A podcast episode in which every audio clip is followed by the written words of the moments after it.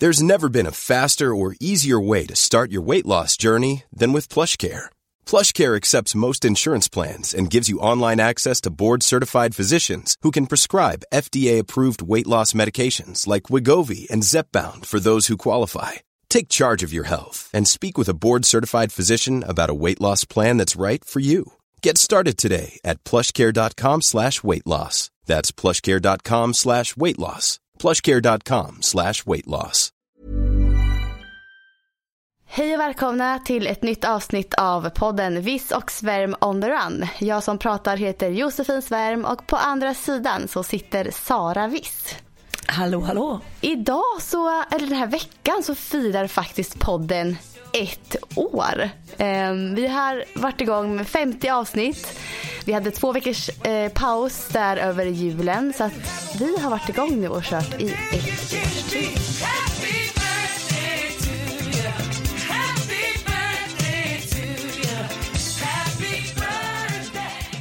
Vår lilla bebis börjar bli stor. Ja, det känns ju helt galet. Eh, och Vi tänkte fira det här idag lite genom att eh, ge er som lyssnar 50 tips inom 10 olika ämnen eller rubriker som vi har pratat om i podden sedan starten eh, och saker som vi jobbar med egentligen du och jag Sara. Så det är en liten tillbakablick på våra typ guldkorn under året som har gått. Det vi har tagit med oss och kanske känt så här, åh det här eh, vill vi att, att ni också ska komma ihåg och kanske liksom få höra en gång till. Och vissa saker mm. kanske är lite nytt också. Det är inte så att vi har lyssnat igenom och säger exakt vad vi sa förut. Men vi vill ändå ta, lyfta lite saker och rubriker, ämnen som vi tycker är viktiga.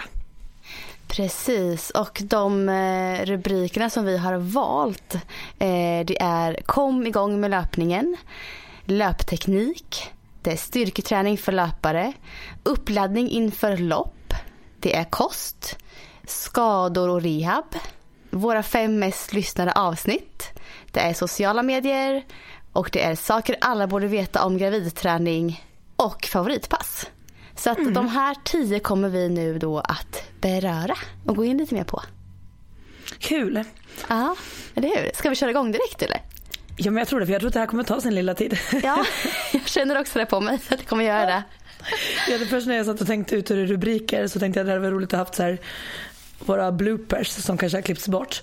Och då kände jag så här ja. att, bara, att det känns som att jag har stått för de, de senaste Gravidhjärnan har ju slagit till känner jag för mig. Så förra avsnittet jag tror att vi skulle kunna plockat ut fem stycken på att när jag tappat tråden. Ja, men jag måste säga att eh, han, våran klippare skötte det ganska snyggt där. Han gjorde ett bra jobb förra veckan. Ni skulle bara veta.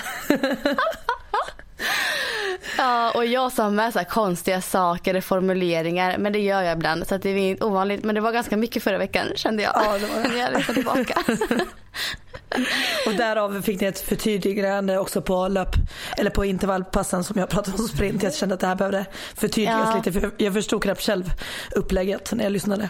Men det var, jätte, det var jättebra faktiskt att du gav gav ut det igen tycker jag till våra poddlyssnare. Eh, för ibland är det lättare att se i skrift och förstå ja. tycker jag. Eh, så det var superbra. Och jag har sett att det är redan lyssnare som har kört tempo runs. Så det har varit jätteroligt. Ah, så kul. Men du, jag sätter igång. Ja. Vi skulle då börja med alltså tips för den som vill komma igång med sin löpning liksom, det finns en massa tips. Men eh, jag har valt ut några som jag känner så här, men det här tycker jag att är viktigt just nu.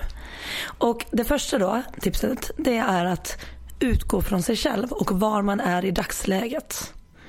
Eh, för det finns massa nybörjarprogram och även om man är nybörjare så är man ändå på olika nivåer.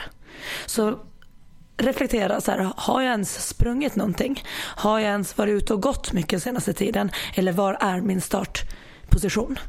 Och därifrån börjar vi. Så det kan vara att du får börja med att gå promenader tre gånger i veckan för att bara komma igång med att vänja kroppen och benen, fötterna med att vara igång. Eller så får du börja lite, lite högre. Men var ärlig mot dig själv och kolla var är din utgång. Tips nummer två är att varva lite så här distans med intervaller.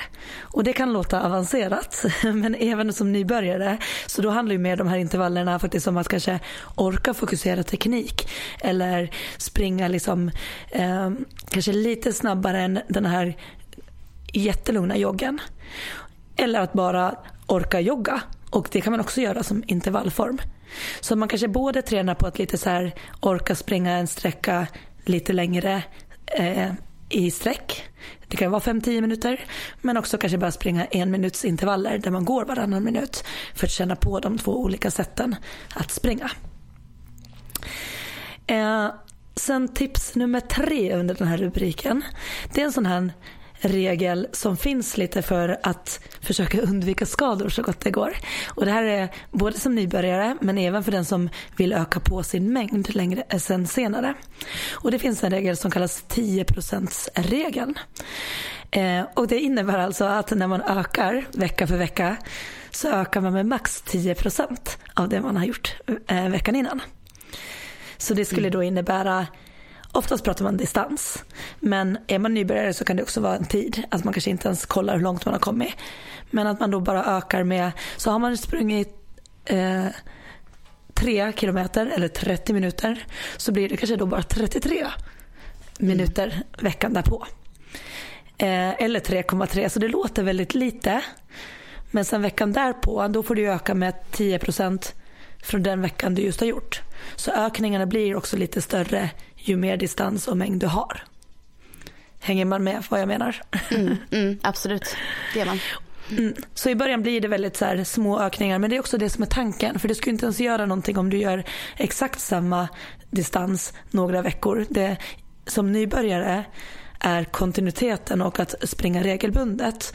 Det är ju ändå liksom en belastning för kroppen och det, det vi vill helst undvika framför allt i början tycker jag är ju skador för då kommer man av sig så snabbt igen. Så 10% regeln tycker jag man ska ha med sig. Mm, jättebra. Fjärde tipset det är faktiskt att styrketräna. Även om vi nu pratar att komma igång med löpningen så tycker jag att att få in styrketräning är också för långsiktighet och att löpningen också blir roligare. Så att minst i alla fall 30 minuter i veckan skulle jag vilja få in. Sen om det är ett 30 minuters styrkepass i sig eller om det blir 10 minuter tre gånger i veckan. Det kanske inte spelar så stor roll i början men att ändå känna att man stärker upp benen, höften, bålen eh, för att också undvika skador och som sagt bli starkare i löpspåret också. Mm. Eh, och sen det femte tipset som jag tog, för det är så här, jag vill ändå få in lite löpteknik även till den som är nybörjare. Även om det viktigaste är bara att komma igång och känna sig för. Men mm. det här har också lite med det här med skaderisken och att liksom, eh, springa lite skonsamt. Så då skulle jag liksom det första tekniktipset som jag skulle vilja kika med det är att checka av att man springer med ganska korta steg så att man landar hyfsat under kroppen. Mm. För det skulle jag nästan säga att är ett av de vanligaste också teknik delarna som jag jobbar med med nybörjare. Att man vill gärna ta lite längre kliv och sitta mm. lite ner och så här. Men istället för att gå in och peta på allt så bara att korta ner, spring med lite kortare steg eh, för att hamna lite mer under dig. Det kommer att kännas eh, lite trippigt men det kommer också bli mindre belastning på både knän och häl och många leder. Mm. Så det är egentligen det tipset jag vill kika med redan till er nybörjare. Vad, vad tycker du? Nej, men jag tyckte alla tips var jättebra. Och eh, du kommer in här nu på löptekniken lite som eh, kommer ja. vara eh, den andra delen här eh, som jag kommer komma in på lite. Eh, jag tänkte så här, först vill jag bara börja säga att alla människor har i grunden sin egna unika stil, sin löpstil. Så vi kommer ju aldrig kunna se likadana ut. Vad jag än visar så kommer ingen kunna se ut precis som jag. Utan man har sin stil att utgå ifrån. Så det är nummer ett egentligen. Men sen så vill jag komma in då på fem stycken specifika tips i löptekniken här. Ehm, och den första eh, delen där, eh, det är att tänka på att man ska tänka sig stolt och stark. Man ska liksom öppna upp bröstet, sträcka på sig lite grann, eh, undvika att krympa ihop liksom. Liksom. Eh, den andas fritt, ge plats åt lungorna och känn dig stolt. Så hållningen är nummer ett där. Eh, nummer två det är att eh, tänka på att aktivera bålen. Eh, och när jag, när jag säger det så menar jag inte att man ska spänna magen så rutorna syns. Men här pratar vi mer om att aktivera hela bålen. Som vi har varit inne lite på här nu Sara i min ja, rehab. Eh, verkligen använda hela bålen. Det kan vara svårt att känna in det där. Men om man slappnar av helt och hållet så kommer man inte kunna ha en bra position i löpningen. Så en liten anspänning måste man, man ha i bålen när man springer.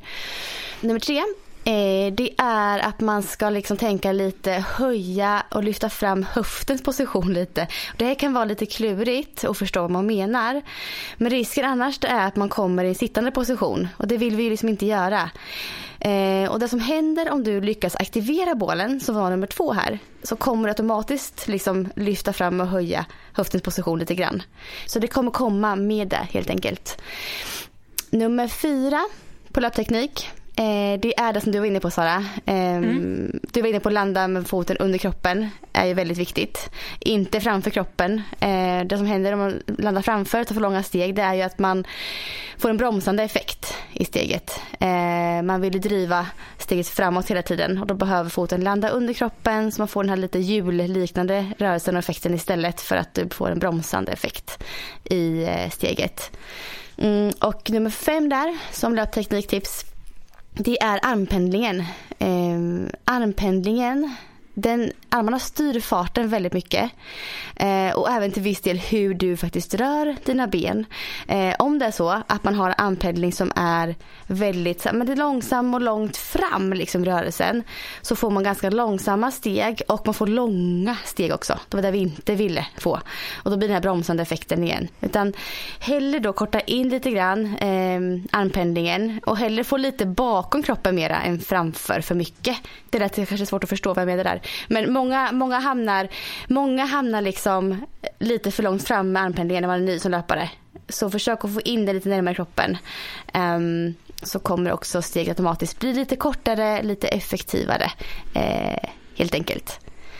Mm. Så det var mina fem tips där eh, för löpteknik. Och jag tänker lägga till det, bara, löpskolning tänker jag att man kan försöka få in i sin träning en gång i veckan. Och löpskolning det är ju övningar som ska främja löptekniken. Och löpskolning finns det väldigt många olika eh, övningar. Det kan man man kan eh, söka sig fram på löpskolningsövningar på, på Youtube till exempel. Där man hittar ganska mycket. Man kan kolla på mitt konto har jag lite löpskolningsövningar upplagt. Inte jättemycket men det finns en del. Eh, så sök upp löpskolningsövningar. Så kommer man kunna hitta hur de ser ut. Om man kan göra för någonting. Ja, och har man möjligheten där att kanske boka in sig någon gång på när det erbjuds någon workshop eller teknik. För jag, jag upplever att många, mm. de är ganska så även om man har sett hur de görs så mm. känns det oftast väldigt konstigt när man ska göra dem själv första gångerna och det kändes det för mig också. Alltså jag, kommer, mm. jag kommer ihåg första gången hur jag typ nästan inte ville att någon skulle se när jag skulle träna på dem. För att det kändes så, speciellt om man gör det med folk då som kan det jättebra. Ja. Ja, ja men det här är eh. att gå med workshops som du säger och kör det, det ger väldigt, väldigt mycket. Och ja, ofta så kommer då människor Ja, ofta kommer människor dit som kanske inte har så stor koll. Så då är man många som delar den här nervositeten och ovanan. Um, vi, jag hade en workshop alldeles nyss i just löpteknik. Um, ehm, och det är alltid så kul tycker jag för det är, det är människor som är nervösa och de skrattar åt sig själva, åt varandra men de liksom får ju ut jättemycket av de här tillfällena och lär sig så otroligt mycket. Ja, och bara man får med sig några så här, kanske individuella, så här, men du behöver tänka lite mer på din höft. Ja. Eller det. Mm. Då kan man ju sen bara köra det hemma på gården. Alltså några som man bara får känna att man verkligen, för det handlar lite om också att man måste våga göra det eh, ordentligt om man ska säga så. För mm. oftast vill man lite halvgöra det för att man är lite osäker. Mm. Och då blir det lite fel. Ja. Så man måste liksom lite bara våga, våga köra och liksom göra det lite så här med stolt hållning, med kraftfullt steg. Alltså så här. Ja, det är ju det väldigt överdrivna rörelser med ja. liksom, i löpskolningen. Men det är det, då det blir rätt liksom. Så att, eh, Ja. Så få några liksom tips av någon som kanske vet vad du ska tänka på och sen bara gör det liksom där du känner dig bekväm med det. Ja, det var löpteknikdelen där. Vad kommer sen Sara? Sen tänkte jag att vi ska hoppa vidare på styrketräning för löpare. Yes. Och som sagt, vi har ju varit inne på mycket av de här innan men det är alltid bra med lite repetition. Eh, och här är för, faktiskt första punkten lite samma som det var för de här med, med nybörjarna. Och det är att, att se till att, att ägna minst 30 minuter i, i veckan åt styrka. Jag, jag säger gärna lite mer, det beror också på hur mycket man springer. Men att eh, verkligen liksom se över ens behov och ju mer man springer ju kanske ju mer styrka man behöver man också. Mm. Och lite hur man springer och varför man springer och sådär. Men minst 30 minuter eh, i veckan åt styrketräning. Och sen det som jag får höra många gånger av motionärer är att när de gymmar så tränar de inte så mycket ben för att det får de från löpningen utan de kör mer då kanske överkropp och bål. Men grejen är ju att i, i löpningen så är det inte så att vi bygger muskler utan det är nästan mer att vi bryter ner eh, i och med att det är en uthållighetsidrott och väldigt monotont. Så fokus på styrkan skulle jag vilja säga att det ska vara ben, bål och höft om man måste prioritera. Eh, så starka ben för att orka och för att hålla sig skadefri. Eh, punkt nummer tre där då. Det är ändå så här, jag står ju mycket för så här allsidig träning ändå och jag vill alltid få en atletisk bas oavsett vad man har för eh, mål. Så att jag har sen satt in då liksom att man ska se över sitt pass och försöka ha med sig någon form av knäböj, alltså där benen böjer. Någon form av eh, eh höftfällning eller utsträckning, alltså som höftlyft eller marklyft eller någonting. Och sen gärna någon form av där överkroppen får pressa och någon övning där den får dra. Så det kan vara någon form av axelpress eller armhävning. Och dragen är någon form av så latsdrag eller rodd. Någonting i alla fall där vi får liksom dra och jobba med ryggen också. Mm. Så det skulle jag vilja sätta in där bara för att man ska veta att ja, men jobbar jag ändå med, med alla grundrörelser. Eh, har man checkat av dem, att liksom jag får med allting där, då skulle jag sen också sätta in liksom, eh, som fjärde punkt här då, enbensövningar för löpare.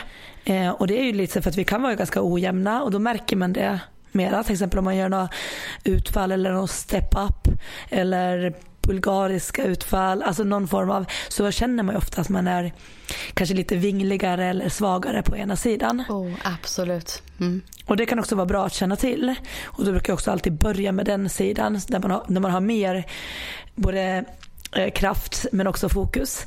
Mm. Så att mm. man, när man sen på slutet då har man sin bättre sida kvar. Eh, och sista tipset då för styrketräning för löpare det är att lägga in hopp.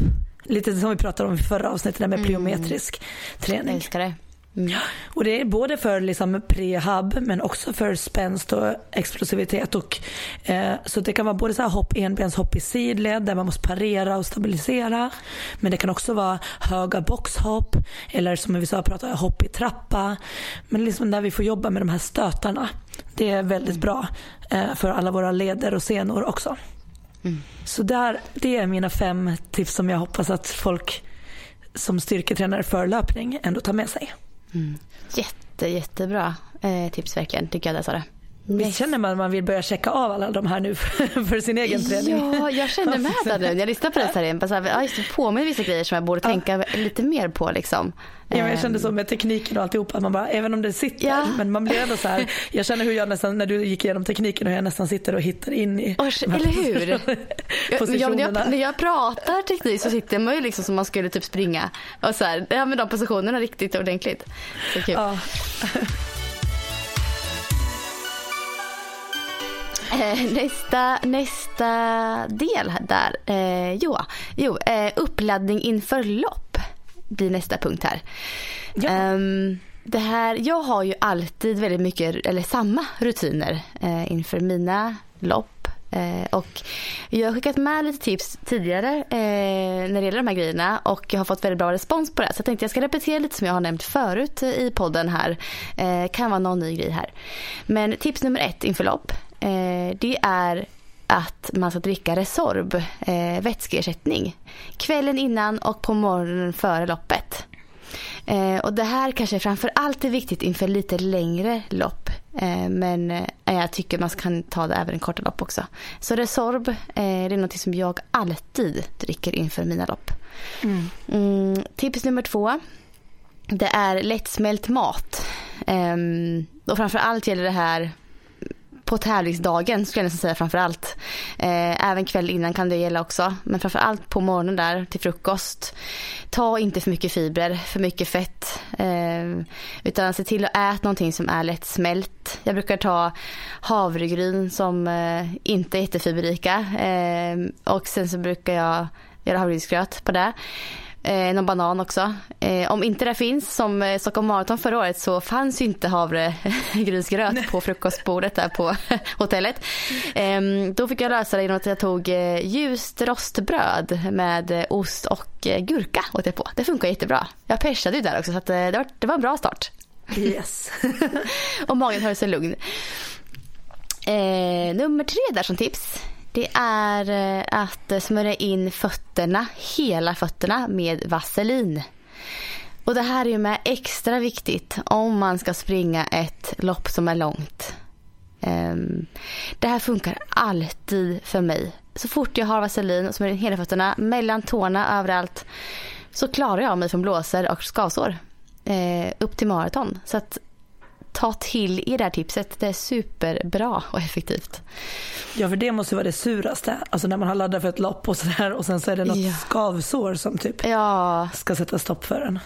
Och det har ju hänt på något lopp att jag har fått det och står och blåser efter. Då har jag missat vaselin. Så att jag, jag har ju testat både med och utan och det är skillnad. Ja. Det låter lite konstigt tycker folk, så vaselin och glider runt i, i skon och så här, men det, det känns inget konstigt alls faktiskt eh, att ha det. Eh, tips nummer fyra Eh, det är om det är så man vill ha med sig telefonen eh, som många vill ha nu. Man kanske vill nå någon om någonting händer under loppet eller efter man sprungit klart. Eller man kunde ringa någon och så. Eh, så är det bra att ha med sig en, någon, någon bra förvaring till telefonen. Eh, man vill inte springa hålla i den eller att den ska guppa på något sätt när man springer.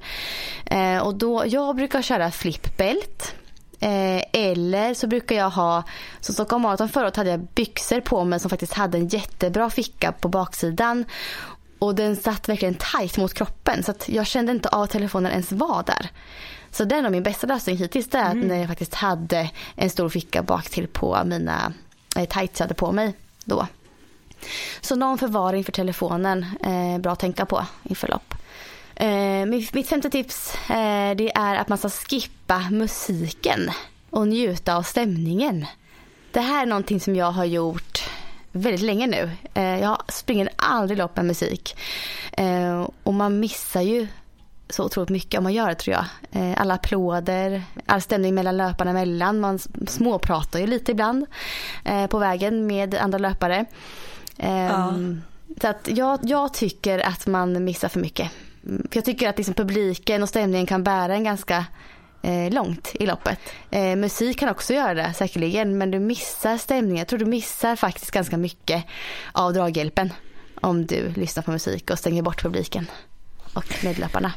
Ja, Ja, precis. För jag, kan, jag kan vara tudelad. För jag tänker så här, springer man ofta med musik så har man sina pepplåtar och som ger så här. Precis. Men det är som du säger också, då vet man ju inte vad man kan få för energi annars. Så åtminstone i alla fall våga ta av den stundvis.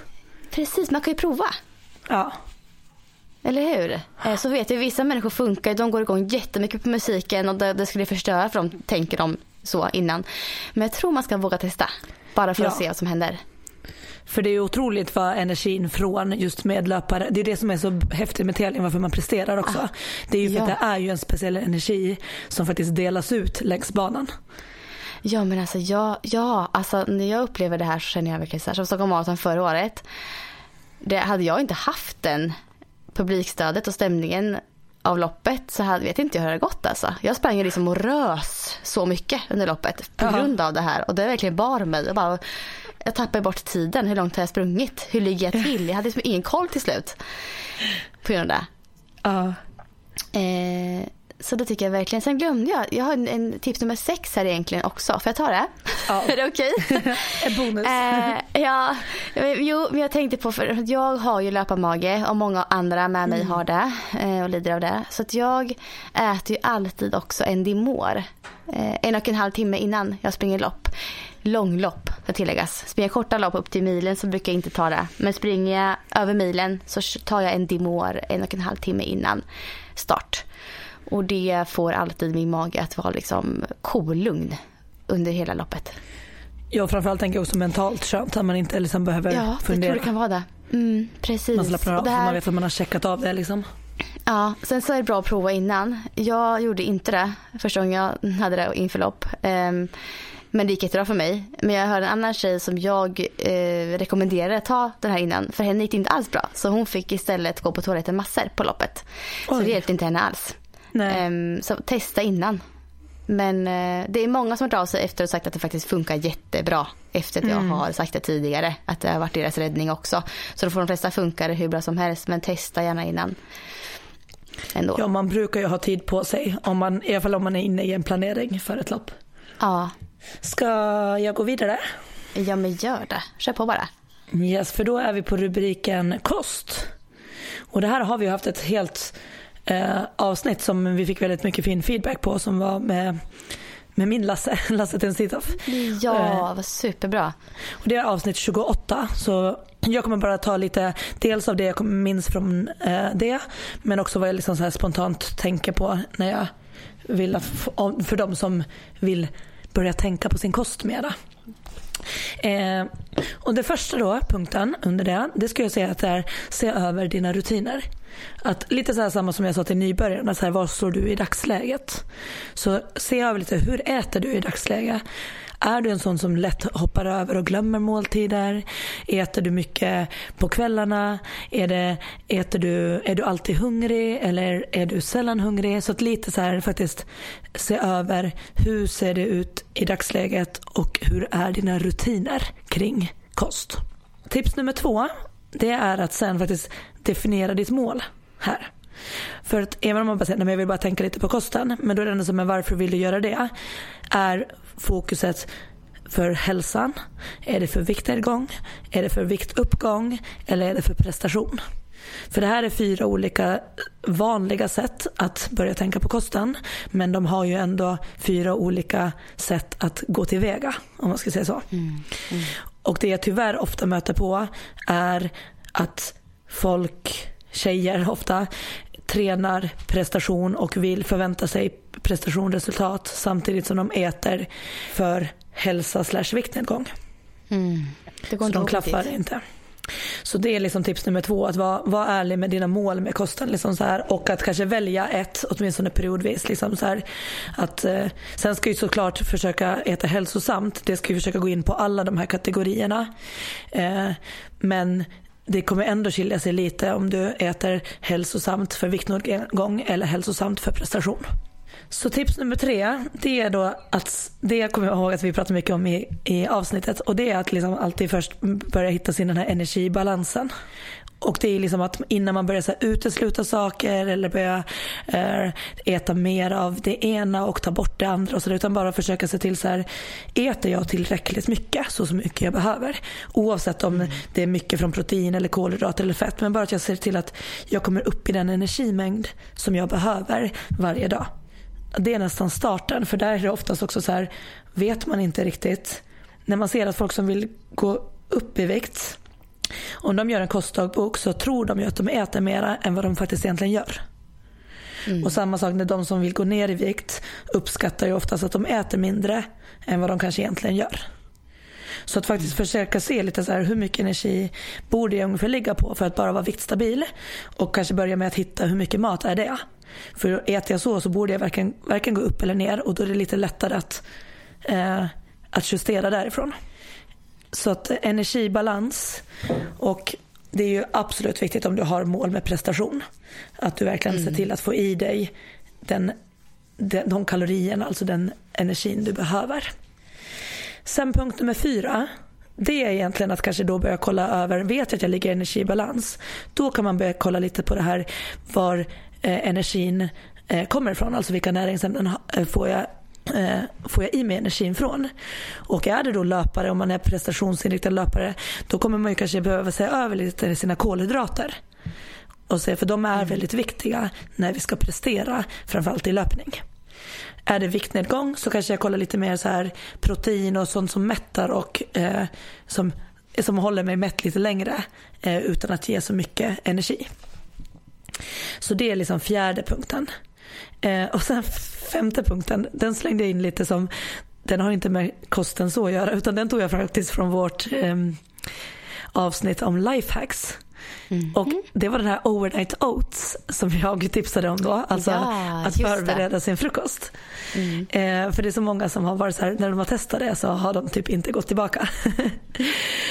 eh, och det kan vara dels för att ett sätt, det är ett, sätt, ett bra sätt att få i sig eh, ehm, mer gröt om man har problemet att inte få i sig tillräckligt mycket energi. Så oftast äter man, kan man äta lite mer när maten är kall än vad många upplever att äta varm gröt.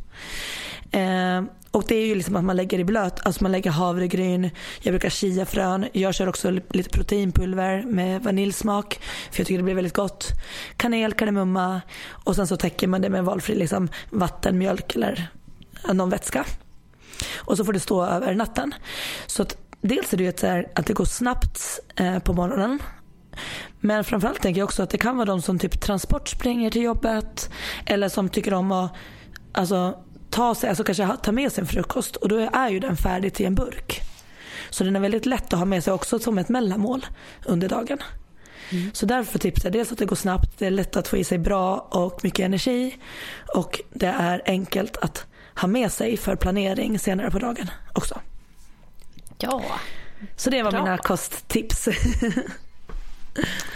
Ja, nej men det där avsnittet med Lasse var väldigt intressant. Ifall någon, någon missade det så lyssna gärna på det eh, igen.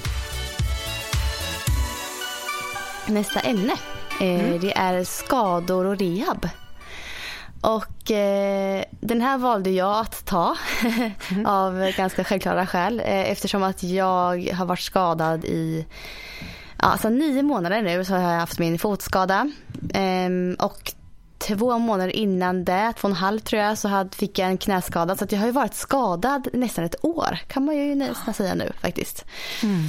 Mm, och har fått jobba mycket med eh, den biten. Så jag har ju några tips här som jag vill dela med mig av till andra som kanske är i samma sits eller som kanske kommer komma till samma sits. Ja, jättebra. Eh, ja, så tips nummer ett där. Mm, det är att Undvik att bli skadad genom att komplettera din löpning med styrka och rörlighet. Framförallt styrkan tror jag på där. Det här hade jag velat gjort tidigare.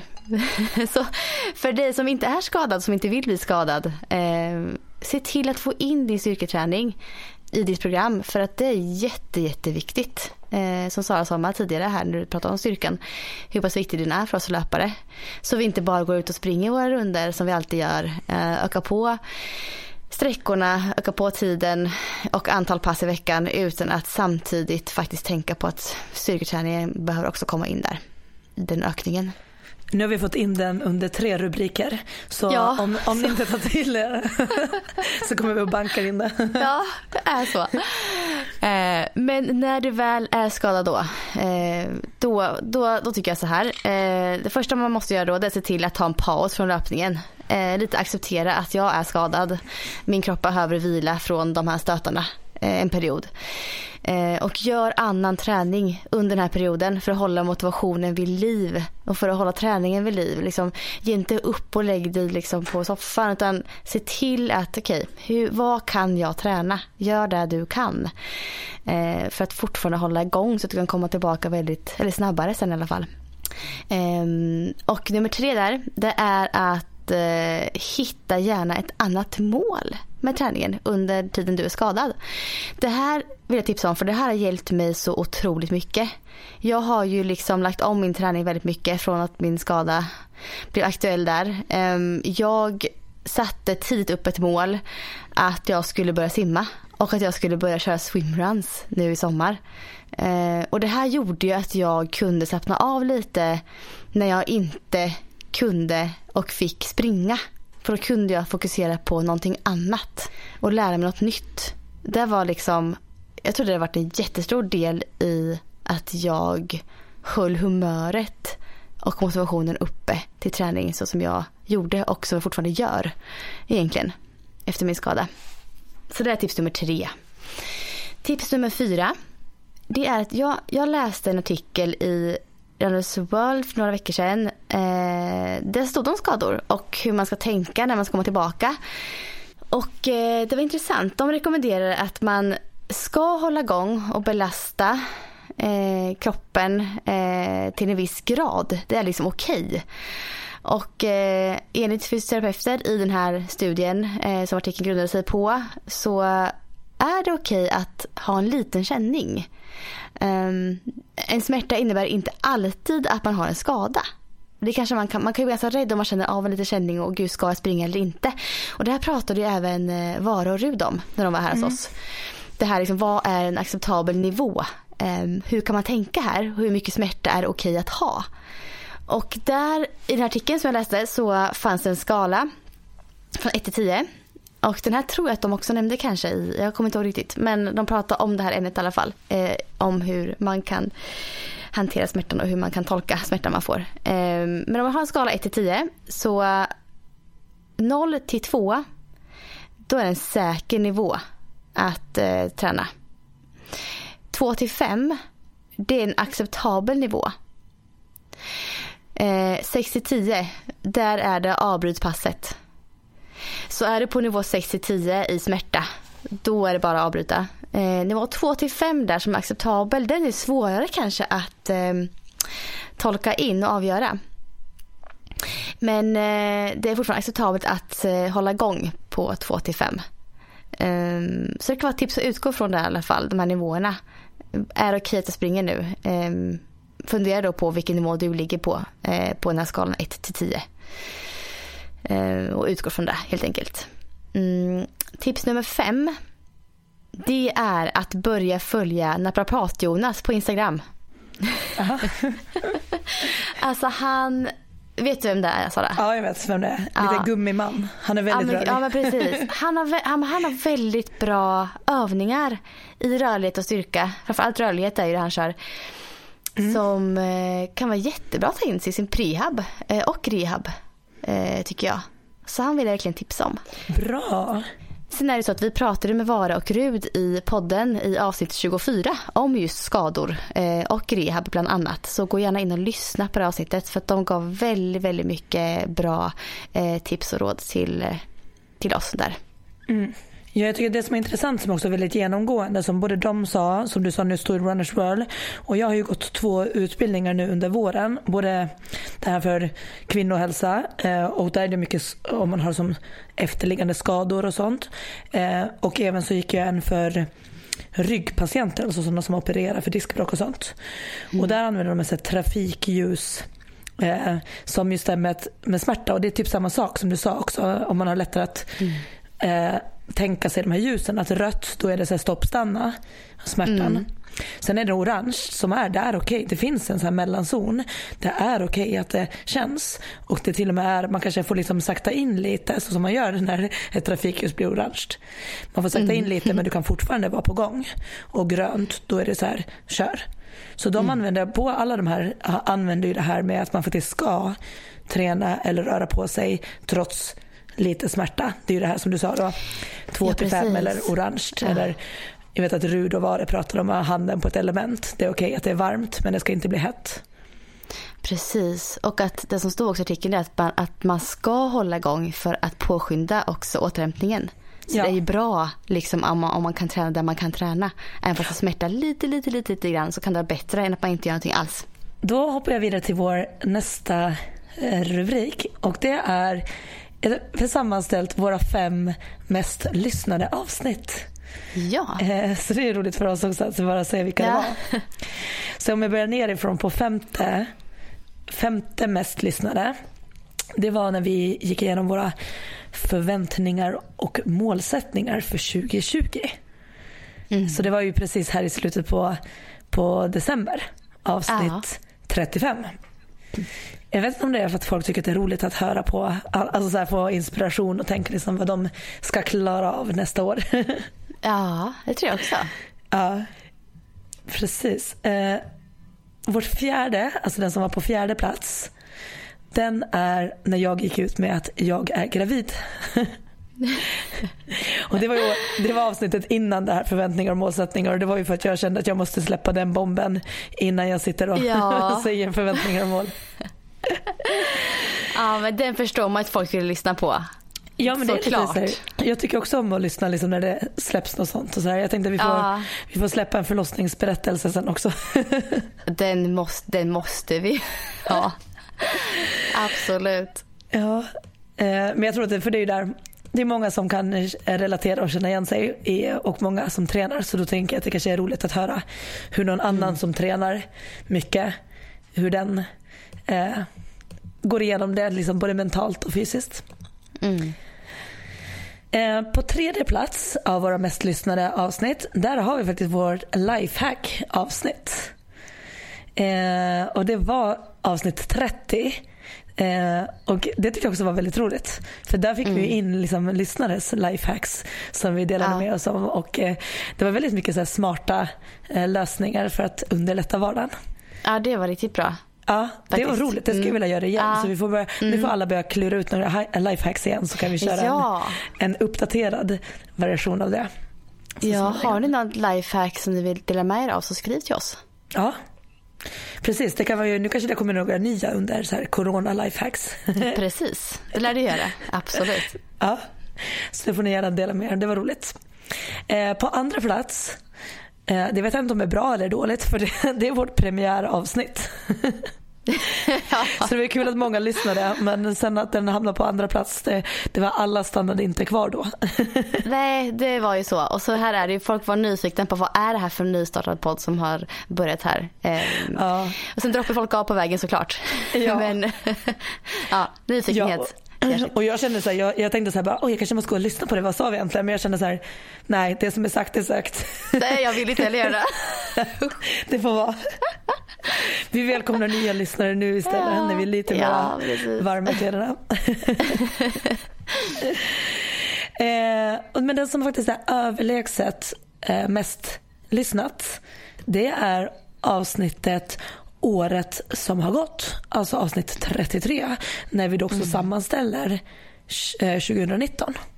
Eh, mm. Eh, så det tänkte jag att det kanske var en bra fot in för folk att komma in, liksom man fick en liten samman, sammanställning på ja. vad vi har pratat om och vad vi har gjort. Mm. Eh, och det här blir ju en liten variant på det. Vi tänkte först att oh, ska vi blicka tillbaka på året som har gått nu när vi har poddat i ett år. Men det var ju inte så länge sedan vi gjorde det, men vi gjorde det vid årsskiftet. Precis. Så då, men det här är en till om det är någon som man eh, vill tipsa att komma in i podden så det är bra att slänga in den i dagens avsnitt för då får man ju också lite Precis. blickar tillbaka och lite så var man kan hitta mer om vissa ämnen och sånt. Mm. Så det var våra ja, topp mm. fem. Mm. Och det är kul, den växer ju hela tiden podden fortfarande så det är jätteroligt att fler och fler uh, hittar hit. Ja, Ska vi, vi har två rubriker kvar va? Stämmer ja, vi har två kvar. Eh, vi har, tre kvar till och med har vi. Tre kvar? Ja.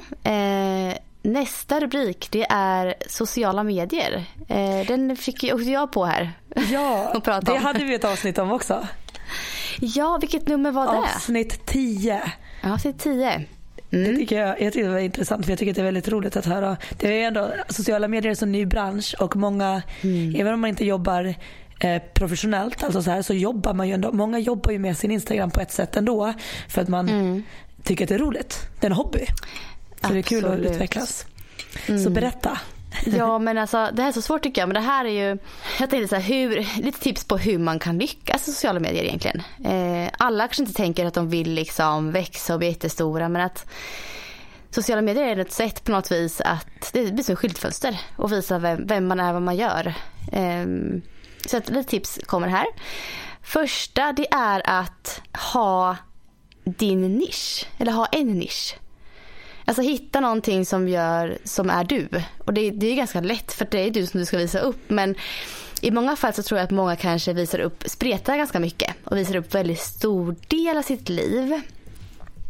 Eh, och det kan vara lite svårt då för människor att veta vad det är man följer för någonting. Så jag tror att, att ha en nisch eh, kan ändå hjälpa till att eh, både växa och vara tydlig på något vis i, i sitt budskap.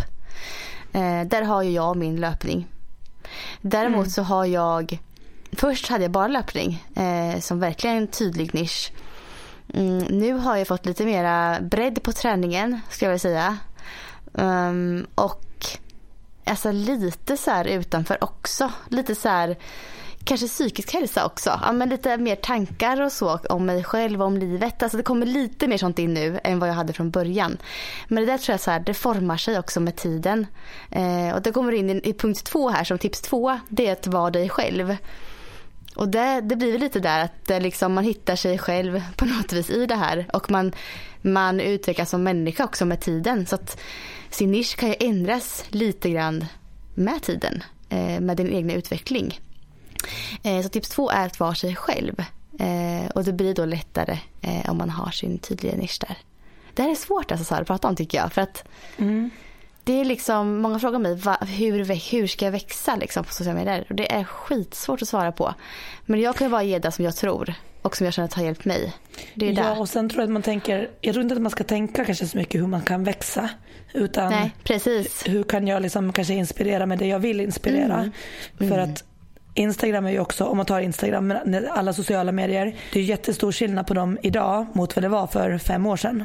Mm. Så att bygga ett, växa ett konto är, är ju ännu svårare idag med algoritmer och sånt mm. som inte fanns på samma mm. sätt för fem år sedan. Mm. Men jag tänker att det man kanske egentligen vill det är ju att få ut sin passion och inspirera andra. Mm. Och sen om det är 500 personer eller 5000 eller 50 000. Jag tror att om man verkligen tycker om det och liksom, eh, man borde liksom ändå kanske gå tillbaka till igen varför, varför tycker jag att det är roligt att göra det här. Mm. Och inte bara Verkligen. fokusera på vad som får den att växa. För då är det nog Nej. lätt också att man hamnar in på saker som kanske inte är en själv. För man märker Exakt. att folk tycker om att se det här. Och så gör mm. man det fast det kanske inte är det man själv egentligen hade valt att mm. visa mest av. Mm. Jag håller helt och hållet med där, verkligen. Och sen tips nummer tre har jag att man ska våga visa sig svag. Och det hamnar också där lite, att man ska våga vara sig själv. Eh, det är jättesvårt tycker jag. Det har varit svårt för mig att visa mig svag. Mm. Det är alltid enklare att visa den här bästa peppiga sidan, kanske i löpningen, i träningen. Men jag tror man ska våga visa sig lite svag också. Eh, våga visa mer vem man är. Mm. Sen beror det på vad för typ av konto man har såklart. Eh, tips nummer fyra är att man ska tänka på att eh, interagera med sina följare. Det har hjälpt mig att behålla eh, mina följare tror jag ganska mycket. De känner väl att jag bryr mig faktiskt på riktigt. Eh, och det, jag tror att om man har ett konto som verkligen betyder mycket för sig själv. Man är sig själv fullt ut och det betyder mycket för Man pratar om någonting som man, man, man brinner för så tror jag att det blir mer självklart att ge tillbaka till de som visar mig uppskattning i det. Så att för mig blir det väldigt enkelt att, och självklart, eh, att svara om någon skriver till mig, försöka svara på DM om det är relevanta frågor eh, och finnas där och inte bara skylta med mina bilder och flashiga grejer. Utan jag vill ju faktiskt ge tillbaka. Det här är människor som faktiskt ger mig väldigt mycket. Mm. Eh, och det kan ibland säga, jag kan bli rörd ibland av att alltså, folk verkligen bryr sig om vad man skriver. Ja. Det, det, är intressant att det faktiskt är så och jag uppskattar det så himla mycket. Och då känner jag att jag vill ge tillbaka. Så interagera, med sina följare tror jag är väldigt viktigt faktiskt. Sen har inte några mer där. Jag hade hittat fyra stycken punkter. En femte fick jag inte till riktigt där. Nej. Men För att det är väldigt svårt tycker jag. Jag skulle nog säga om jag får fylla i en där. I och med att, Jättegärna. För, eh, eller det jag tänker så, eh, Instagram framförallt det är ju ändå ett bildforum. Mm. Eh, så att jag skulle ändå, liksom, vill man liksom så att man, någon ska stanna till vid ens bild och kanske då också läsa texten och hela meningen. Så att, att faktiskt försöka ha hyfsat bra bild. Det behöver inte vara proffskamera, det behöver inte vara det. Men att det kanske inte är så mycket suddiga eller liksom mm. dåligt ljus. Kan jag uppleva i alla fall att, jag, att det är behagligare att stanna till vid någonting som är, och jag menar absolut inte att det behöver vara så här att man själv ser snygg ut på den bilden eller att man, alltså det, det behöver det absolut inte vara och det kan vara med en mobilkamera. Men man ändå kanske tänker lite så här, okej okay, men om jag ställer mig vid fönstret när jag tar den här bilden eller åtminstone inte väljer en som är så här suddig för det blir liksom, det försvinner lite då också på något sätt i flödet, mm. man lätt scrollar förbi det. Mm. Och så tror jag att Instagram också, de eh, det är väl bra eh, för att få spridning också att bilden är bra kvalitet tror jag. Det ja. gör väldigt mycket även där. Um, och det är så enkla ja. saker som man kan göra. Det är inte, man behöver mm. som sagt inte vara proffs eller ha dyr utrustning. Nej, precis. Sen tror jag också en grej till att det är fördel om man är lite mer aktiv på stories och i IGTV och allt det här som jag inte är så mycket känner jag ibland. Uh, jag orkar helt enkelt inte alltid vara så aktiv. ibland Nej. får jag lust och ibland har jag inte lust. Men jag tror att om man, om man nu är en sån person som vill växa faktiskt och, och, få, och få en spridning och så, så ska man vara aktiv i alla deras funktioner tror jag. Uh, tips också. Och framförallt vad, vad jag har förstått när jag läst på sådant så är det framförallt också att, att det är bra att uppdatera varje dag. Om man ja om man vill. Sen om det är stories eller jag tror, jag tror att du kan liksom så här, säga att du inte har satt en post en dag så kan du göra stories om man nu vill liksom, ja, få det att växa sådär. Eh, ja. Men det är ändå så här, man har sett ganska tydligt att är du aktiv regelbundet så kommer den också växa bättre än om du, mm. det kan gå en vecka utan att du syns varken på stories eller på eh, flödet. Just det. Jag undrar hur det här är, hur det är typ med, alltså om jag kommenterar andras grejer, om man är aktiv så, om det påverkar eller inte. Det måste det göra på något sätt, tänker jag. Men inte lika mycket då kanske som att jag själv lägger ja. upp grejer. Ja, det vet jag faktiskt inte. Men jag vet Nej, ändå att ens egen aktivitet, den mm. styr också hur mycket spridning du får och sånt också. Ja. Men jag märker ju, alltså det har hänt som du sa Sara, det har hänt så jäkla mycket på några år här nu. Alltså när jag började bli stor när jag bodde i Palma, då hade jag sån sjuk spridning. Alltså jag hade sån spridning på mina inlägg så det var helt galet ja. mot många följare jag hade liksom. Nu har jag, alltså nu är det ju verkligen sjunkit från det. Och nu har jag mycket mer följare men spridningen är mycket mindre. Ja. Så att ja, någonting har verkligen hänt där. Ja, för det är så här, för ibland kan jag få så här också så här, när jag tittar tillbaka på alltså typ tre år gamla filmer. Mm. Då kan jag ha filmer som har, ligger alltså upp mot 100 000 visningar. Ja. Eh, och då hade jag absolut, jag kanske hade hälften så många följare som jag har nu. Och nu ligger jag oftast på typ runt 10 000. Så att, ja, men, men då hade jag massa filmer som var så här, som inte alls ens hade så många likes eller sådär. Men, mm. men det står ju fortfarande om jag scrollar tillbaka så kan jag ju se hur många visningar de har och de ligger alltså upp mot 100 000, eh, många av dem. Mm. Så den spridningen, så det är det jag menar med att man kan inte tänka att det är samma sak att starta ett Instagramkonto nu som det var för fem år sedan. Då har jag min sista rubrik och den är lite aktuell nu. Men den, eller den är alltid mm. aktuell men för mig är den ju väldigt aktuell nu. Och det är liksom fem saker som jag eh, hoppas att alla liksom vet kring gravidträning. Så lite tips på, på det. Eh, och den första punkten är att det är samma hälsofördelar att träna som gravid som att träna när du inte är gravid. Så att alla vet, jag tror inte att jag behöver räkna upp vad det finns för hälsofördelar med att träna och motionera. Alla de finns kvar, även som gravid. Mm. Så att det är inte så här att, att det är farligt att träna eller att du på något sätt inte ingår i den, den, äh, den äh, vad säger man, att du inte ska ha samma fördelar längre. Nej, precis. Så det tror jag att det är viktigt att ta med sig att det är samma sak. Punkt nummer två. Du kommer inte att skada barnet av att träna. Tvärtom. Den får, man har sett att endorfinerna som du får av träning och de här bra hormonerna det får även bebisen i, i magen. Så att många kan, är ju så rädda för att träna för man är rädd att skada barnet. Eh, och nu pratar jag dock helt till friska graviditeter. Mm. Det finns ju de som som har, alltså av andra anledningar till exempel eh, mycket blödningar eller någonting, alltså någonting som inte är hört i till normal graviditet. Då är det ju alltid läkarens råd som gäller.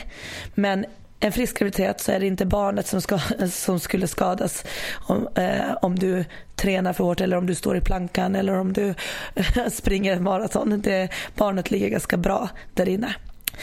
Eh, punkt nummer tre som jag återkommer till hela tiden. Framförallt nu när jag själv är gravid. Och det är att det så här, anpassa träningen efter hur du mår och dina förutsättningar. Och jämför inte med andra. Den känns som att man inte kan trycka på tillräckligt mycket utan du måste kolla så här, hur mycket du tränar innan, hur är din träningsbakgrund men också hur mår du? För att även om du kanske är den som tränar jättemycket och har räknat med att kunna träna supermycket under graviditeten också så måste du gå tillbaka till hur är din energinivå? Hur mår du när du tränar? Mår du bättre eller sämre av att träna? Hur mår din kropp? Alltså så att du måste hela tiden, varje dag, typ ge feedback till dig själv och träna ut, utifrån dina förutsättningar. Och då också vara duktig på att skala träningen och anpassa den hela tiden. Så att det inte blir så här, men kan jag inte springa milen, då springer jag inte alls. Eller mm. kan jag inte lyfta tunga knäböj, då gör jag inga knäböj alls. Utan man verkligen hittar den här good enough, jag gör vad jag kan och ha det mindsetet eh, från, utifrån sig själv. Alltså det där det minns jag, det, det var så svårt tyckte jag. Det var mm. Jag bara såg alla andra gravida träna som tokar och jag kunde inte göra det. Ah. Det var min känsla. jag hade så svårt för att hantera det där. Men det, det är jätteviktigt att du tar upp det, den punkten. Ja, och jag tror att det är liksom så här, och för där jag kan till och med känna så ibland att det finns till och med så här gravidanpassade träningspass. Som man tänker så här, men det kan jag köra. Men så har jag mm. ont, eller jag får lätt ont i, i bäckenet. Och då är det jättemånga av de övningarna som kanske ändå inte passar mig. Fast det är ett mm. gravidanpassat pass. Oh, eh, ah. Så det är därför man kan inte heller, det är därför det är så, så svårt att sätta ut så här generella, så här, så här kan du träna när du är gravid. För att det är, alla har olika besvär. Alla kommer att ha liksom så, så att man, ja. Så därför måste man gå ut eh, utifrån sig själv. Och det kommer lite in på sen fjärde punkten som jag har. Eh, det är att efter vecka 20 välja skonsamma övningar. Och Det är liksom utifrån de rekommendationer som finns. Och igen, det är allmänna rekommendationer. Det är inte så här exakt så här ska du göra. Men det vi vet att belastas mer under andra halvan av graviditeten det är bäckenbottenmuskulaturen och magmuskeldelningen har sett så att vi har en diastas, alltså vi har en delning mellan eh, magmusklerna. Och då vet vi att det här trycket Eh, och belastningen ökar på de områdena. Och därför finns det en rekommendation att träna skonsamt för bäckenbotten och för magmusklerna. Och det är då till exempel hopp, stötar, löpning, tunga lyft där vi också jobbar med buktryck, där vi vill ha tunga vikter på axlarna. Eh, ofta kommer det in så här att eh, tunga pressar över huvudet och det har ju med att göra att det är svårt att hålla magstödet när vi måste använda vårt buktryck. Och då gör vi en ytterligare belastning på den här magmuskeldelningen. Eller samma om vi hoppar så har vi, även om det känns bra, så har vi ändå ytterligare ökat tryck mot bäckenbotten. Så att därför finns de rekommendationerna och det är väl det man kan liksom anpassa efter. Men igen, jag säger inte att alla måste göra så. Och jag säger också att det kan också vara de som inte kan hoppa från vecka 10. Mm. Men generella riktlinjen är vecka 20 och då bara tänka lite mer skonsamt, lite mer mjukt. En vanlig fråga jag får är också så här, plankan, när, måste, när tar jag bort den? och, när jag så här, och det har ju också att göra med den här magmuskeldelningen. Mm, precis. Står man i plankan så är trycket neråt rakt mot den här diastasen. Vilket gör att trycket på magmuskeldelningen ökar. Runt vecka 20 så har de flesta i alla fall en magmuskeldelning. Jag vet att jag hade nu andra graviditeten redan mycket tidigare än så. Mm. Men det är därför den rekommendationen finns där också. Eh, och plankan är kanske en av de, ja den, den är inte så funktionell som gravid. Nej, och jag känner, alltså plankan just, fortfarande för mig så får jag så en topp i magen när jag kör plankan. Ja.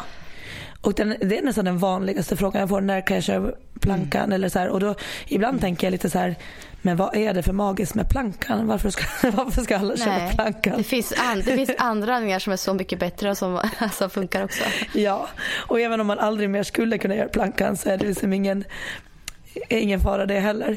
Nej. Men det handlar ju om att träna på magmuskelkontakten igen efteråt. Mm. Eh, och man kan träna upp mot plankan, de flesta kan göra det. Men man får ju börja med olika steg, kanske inte bara köra plankan direkt. Mm. Ja, eh, så det är det var punkt fyra. Och sen sista punkten, den har jag faktiskt lite till efter graviditeten. Eh, och det är det här med att skynda långsamt tillbaka. Så att man, man ska, jag tycker man ska komma igång, precis som du pratar med skador. Det är bra att vara i rörelse och det är bra att träna. Men mm. vi måste göra det långsamt och klokt. Vi behöver inte hoppa in till den träningen vi är vana med att göra direkt. Jag gillar att man börjar prata mycket nu om, jag har hört det vid flera sammanhang, att de pratar om den fjärde trimestern. För alla är så mm. inlästa på trimester 1, 2, 3 under graviditeten mm. och man läs, lyssnar på alla råd kring det och sådär. Men att tänka att det finns en fjärde och det är ju ungefär de här 12 veckorna efteråt också som vi fortfarande mm. är väldigt påverkade i kroppen. Eh, det tar tid för kroppen att bara leka och liksom hitta tillbaka av sig själv. Sånt som vi inte påverkar med träning. Nej. Eh, så att jag vet att jag tipsade lite om det förut, hur du kan tänka med dina steg. Och där, det är de här S jag pratade om förut. Och det är liksom att mm. börja med att känna att man har stabilitet. Och med det, det är ju kontakt med bäckenbotten, det är de här inre bål och känna att man börjar känna sig stabil och inte wobbly i höfter eller knän eller liksom sådär. Utan du, du ska kunna göra vardagssysslor och känna dig stabil i kroppen. Sen börja träna upp styrkan. Börja känna dig stark, att du faktiskt orkar göra lite mer övningar än det som krävs i din vardag. Och först när du börjar känna dig stabil och stark, då skulle jag börja sätta in de här mer grenspecifika som löpning, att jogga, all idrott, alltså så här, spänst, snabbhet. Eh, den typ av övningar kommer liksom efter stabilitet och styrka i stegen. Mm. Så det är min femte punkt på, på det här under gravidträning. Det, blir, det blir väldigt intressant att få följa dig eh, efter graviditeten nu också. Du kommer ju vara här snart. Ja, ja men precis. Och jag känner att jag börjar verkligen så här, jag börjar ju längta till att få börja liksom tänka att kurvan ska börja gå uppåt igen. För nu är jag ju i mm. fasen man plockar, blå, mm. plockar bort, plockar bort, plockar bort, anpassar, anpassar, mm. anpassar. Men jag är ändå otroligt glad att bara orka träna. För att mm. efter starten jag hade på den här så så är jag så här, jag, jag, är glad att jag kan träna. Mm. men sen vet man ju att det kommer vara, den här botten kommer vara ett tag de här sista veckorna i graviditeten och första veckorna efteråt. Där kommer det vara väldigt ah. lugnt. Men sen ändå bara att man börjar med de här aktiveringsövningarna så vet jag att nu är ju den på väg tillbaka. Så hade jag en kund som faktiskt, jag har en kund som är eh, gravid med andra barnet. Som kände också så att om, om allting går bra och sådär så, så tror hon att hon är klar efter två barn och det är lite så jag känner också. Mm. Eh, och då uttryckte hon sig liksom ändå så här, hon bara, men det känns så härligt nu att för den här gången när jag ska träna mig stark, då ska jag liksom bli stark för resten av livet. Även mm. om hon faktiskt var som starkare, hon var starkare mellan graviditeterna också. För att vi jobbade väldigt mycket med att komma tillbaka till en styrka. Men då, hon sa, då visste hon ju hela tiden att hon förhoppningsvis ska bli gravid igen och göra resan en gång till. Ja. Men hon bara, men nu så kommer jag liksom bara kunna träna mig starkare och starkare och veta att det här är liksom det här är for life. Mm. och det var verkligen så här härligt att tänka så här också mer att känna att man har inte så bråttom utan för nu ska jag bygga mig Nej. stark for life. Liksom. Precis, det blir mindre stress över det då kanske. Ja, på något sätt. Så det var väldigt så här, ja. inspirerande tänkte jag i alla fall. Så att ja, så att eh, det ska, bli, det ska bli kul och eh, spännande tycker jag att se hur det är också efter andra barnet. Mm. Mm. Mm. Ja, ska vi gå vidare till den sista eh, rubriken? Ja. Det är favoritpass. Ja. Eh, och här har jag då listat mina fem favoritpass. Och det kanske kan vara så att det kan inspirera någon som lyssnar till att ta efter något av de här passen kanske. Mitt första favoritpass det är backlöpning. Alltså allting som har med backe att göra älskar jag uppför. Är det bästa jag vet. Eh, både löpningar i korta och i långa backar. Eh, korta lite mer intensivt då och långa lite mer eh, segdragna och inte lika intensivt tempo. Och även hopp i kort backe. Eh, så har man en backe nära sig, eh, alltså kör med backe. Det är så effektiv träning och det ger också då mycket löpstyrka. Andra favoritpasset som jag har det är att springa i kuperad terräng eh, med distans. Eh, så ungefär kanske 10 kilometer i skogen där det finns mycket backar. Upp och ner för, upp och ner för. Lite trixigare löpning så också kan det vara lite kul. Så att kuperad terräng tycker jag är jättebra. Och det är också, här hamnar vi också i det här med man bygger löpstyrka på ett annat sätt än om du bara ligger och springer på en asfaltsväg som inte har några backar. Så springer i kuperad terräng eh, en del så får du automatiskt in eh, löpstyrkan. Eh, och mer spänst i steget, det gynnar löptekniken och allting. Eh, så det är mitt andra pass jag gillar. Eh, mitt tredje pass det är långpasset med insprängd fartlek. Jag har skrivit här. Ehm, jag har fått det här favoritpasset när jag har tränat inför maraton. Då så kan jag köra till exempel, sätta kör totalsträcka på två mil. Då kan jag springa väldigt, väldigt, väldigt lugnt, 12 kilometer först ungefär. Och sen så gör jag en 2 kilometers ökning, en fartökning. Eh, och det tempot närmar sig lite mera mitt tävlingstempo på maraton. Sen kan jag köra 2 kilometer lugnt igen. Och sen kör jag en till sån 2 kilometers fartökning där jag håller ungefär maratonfart på tävling. Och resten av passet blir, blir resten två kilometer kvar tror jag, blir väldigt lugnt igen. Eh, det här tror jag är ett sånt pass som kan vara ett nyckelpass när man tränar inför maran. Att man kör långpass med insprängd fartlek där fartleks den, den tempot motsvarar ungefär tävlingsfarten på sitt tänkta maraton. Eh, mitt fjärde favoritpass det är som jag sa förra veckan också de här diagonalerna barfota på gräsplan. Ja. eh, jag älskar dem. Eh, allting som är barfota på gräs är så skön känsla att springa så. Så um, det passet som jag nämnde förra veckan och nämnt förut det är ju man springer, joggar långsamt på kortsidan på en stor fotbollsplan. Um, och sen springer man diagonalen över uh, i ett ganska snabbt men kontrollerat tempo. Uh, och där springer man barfota så man kommer upp väldigt fint på fotbladet och får en skön känsla, löpkänsla. Och så joggar man sakta igen då på nästa kortsida och sen tar man andra diagonalen tillbaka eh, i snabbt kontrollerat tempo. Och så kör man så kanske ungefär ett tiotal gånger. Eh, det kan bli fler också om man är van att springa eh, barfota. Det är ett jättehärligt pass om man har möjlighet att ta sig till någon stor gräsplan någonstans. Ett riktigt sommarpass. Eh, just med den här känslan ja, barfota i gräs. ah, det är så skönt. Och sista passet här, det var svårt för fyra var självklara för mig. Eh, vilka jag skulle skriva upp här. Men det femte vart faktiskt eh, ett snabbdistanspass på fem kilometer. Bara gå ut och springa rätt så snabbt. Trycka på lite men fortfarande ha alltså, krafter kvar. Men ändå känna att shit, idag är jag stark i ett sånt pass är riktigt härligt. Och det är väldigt så här, ett effektivt pass. Jag går ut och springer femman, jag är tillbaka ganska snart. Um, och trycker på lite. Eh, kräver ingen större planering utan det är bara att gå ut och, och köra. Ja. Så det kan jag också gilla faktiskt. Och det är härligt att se att du är också tillbaka till mer träning. Även om det inte är så mycket långdistanser nu. Men jag kan säga att den träning du gör nu som du också delar med dig på Instagram med lite så här koner ja. och eh, backar och allt. Alltså, jag, blir, jag vill ju typ bara kom, gå ut och springa och hoppa. Ja, jag förstår dig Sara nu som bara går och väntar på att ja, nej, få jag göra det igen. Bara att jag vill vara med dig och göra det. Jag bara känner så här, åh det där skulle vara så roligt att göra. Så jag bara, ja. jag vill bara liksom eh, bo i Motala, inte vara gravid just nu och bara haka på. ja, jag var ute här, innan vi poddade idag så var vi ute och, och körde lite löpning och hopp i en trappa. Ja, du det kommer komma upp på Instagram bara, snart också. snart får jag sukta efter att se filmen. Och... Ja, ja, ja, verkligen. Ja. Nej, men det, det var ju alla våra tio ämnen här, eller tio rubriker. Mm. Eh, det har tagit ganska lång tid här men vi har ju lite kvar i podden idag faktiskt. För vi vill ju också visa tacksamhet lite över eh, våra sponsorer och de profilerna som vi har haft i podden sedan vi startade.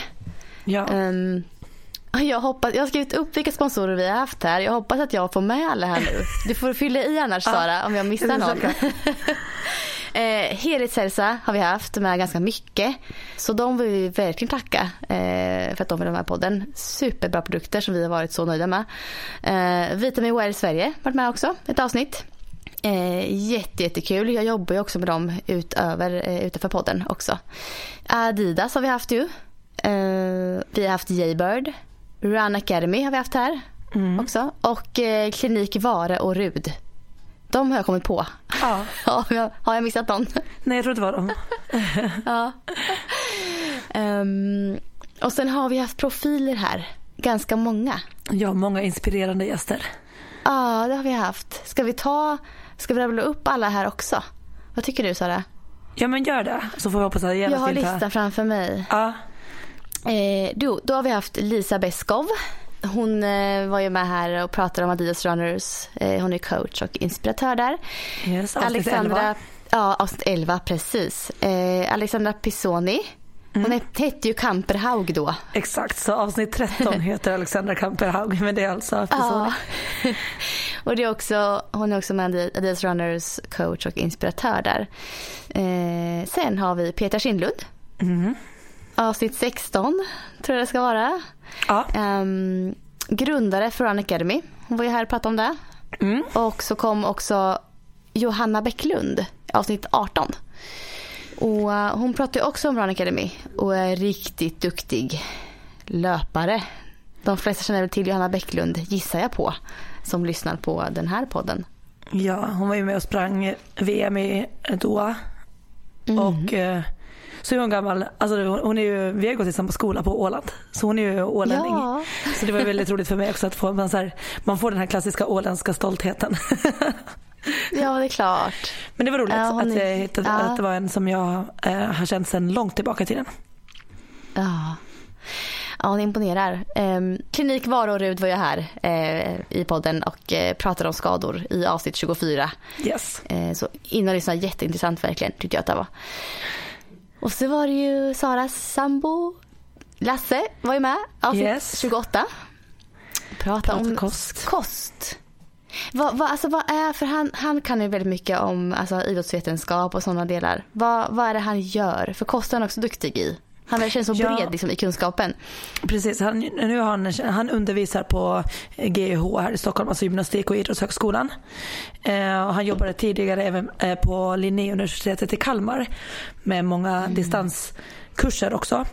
Eh, så att i dagsläget är det mer idrottslärare som han utbildar och är handledare i deras examensarbeten. Och så. Men på GH hade han även fördjupad nutrition eh, och då var det mycket så prestation för typ dietister och sånt som läste vidare. Mm. Så att han, han kan mycket inom eh, träning och kost och men även så statistik och eh, ja, lite allt möjligt.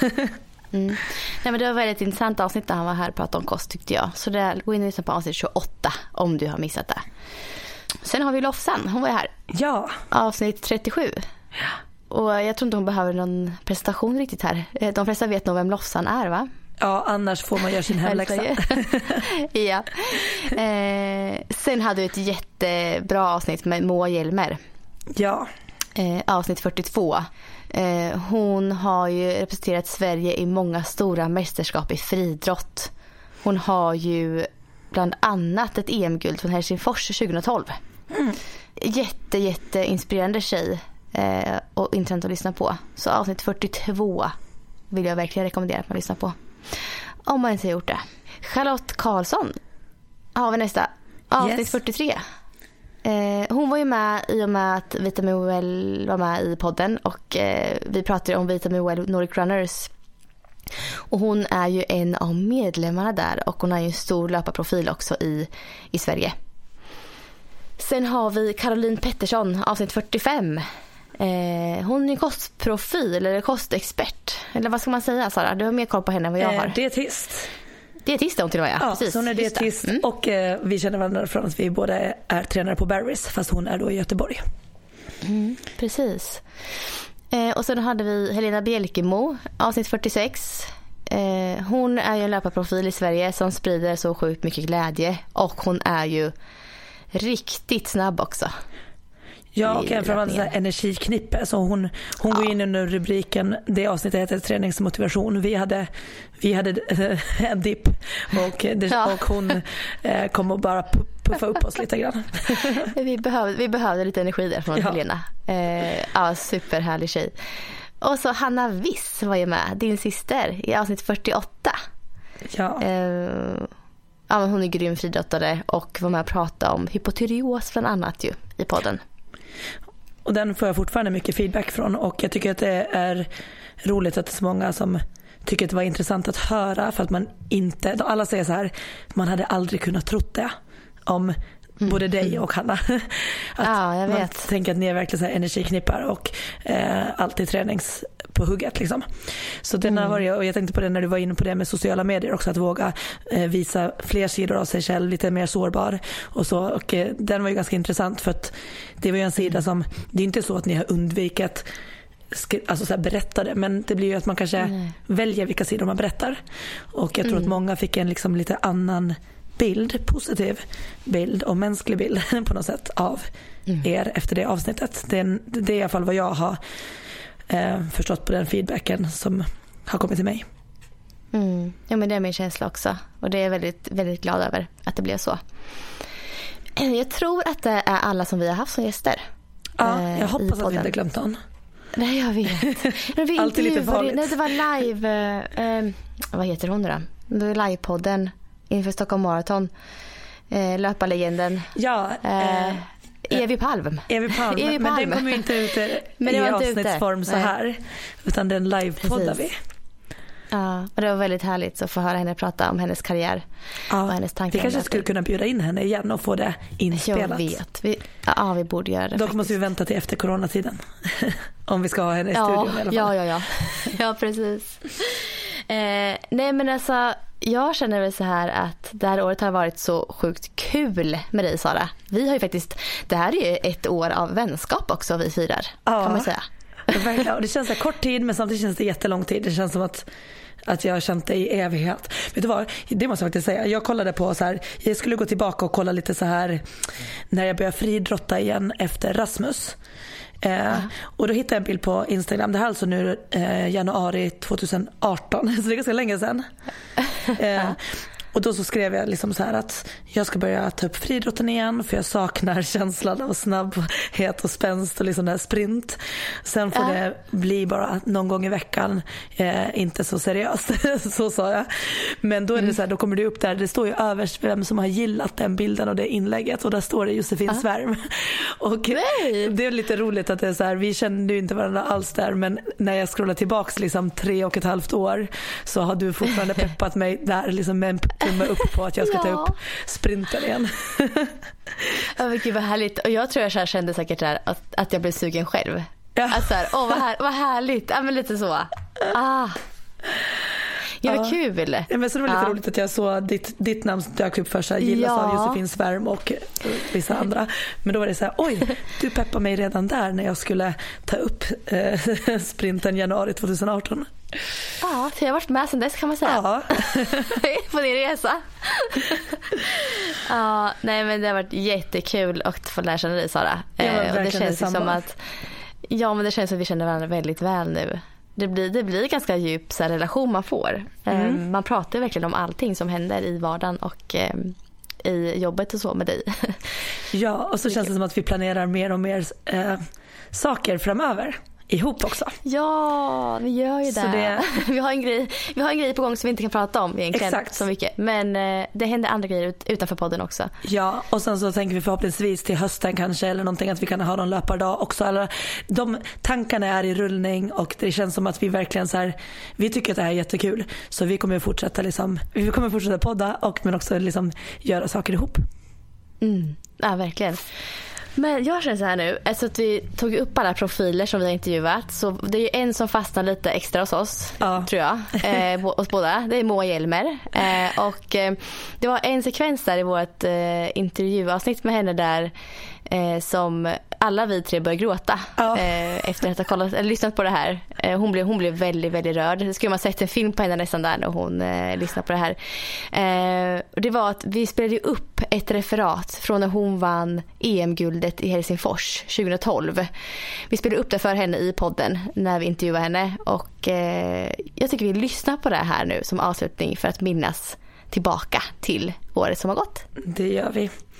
Ja. Och jag kommer att börja gråta igen så vi säger bara hej då och ha det bra. och sen så ha det super. tar vi med oss känslan av Moas bragd. Det gör vi. Ha det fint nu. Ha det bra. Hej då. Hej då.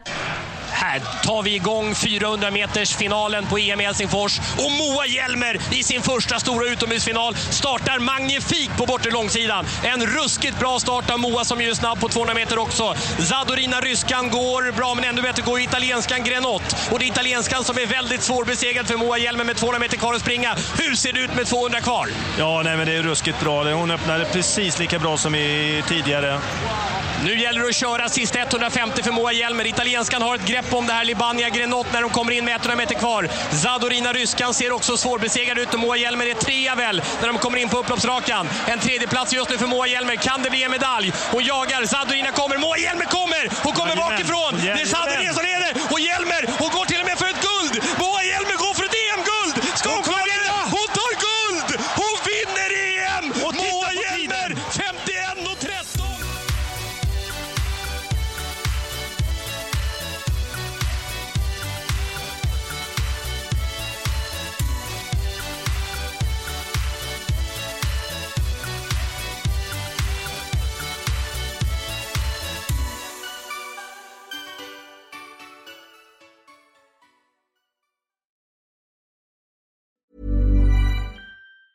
Mom deserves the best, and there's no better place to shop for Mother's Day than Whole Foods Market. They're your destination for unbeatable savings, from premium gifts to show-stopping flowers and irresistible desserts. Start by saving 33% with Prime on all body care and candles. Then get a 15-stem bunch of tulips for just $9.99 each with Prime. Round out Mom's menu with festive rosé, irresistible berry chantilly cake, and more special treats. Come celebrate Mother's Day at Whole Foods Market.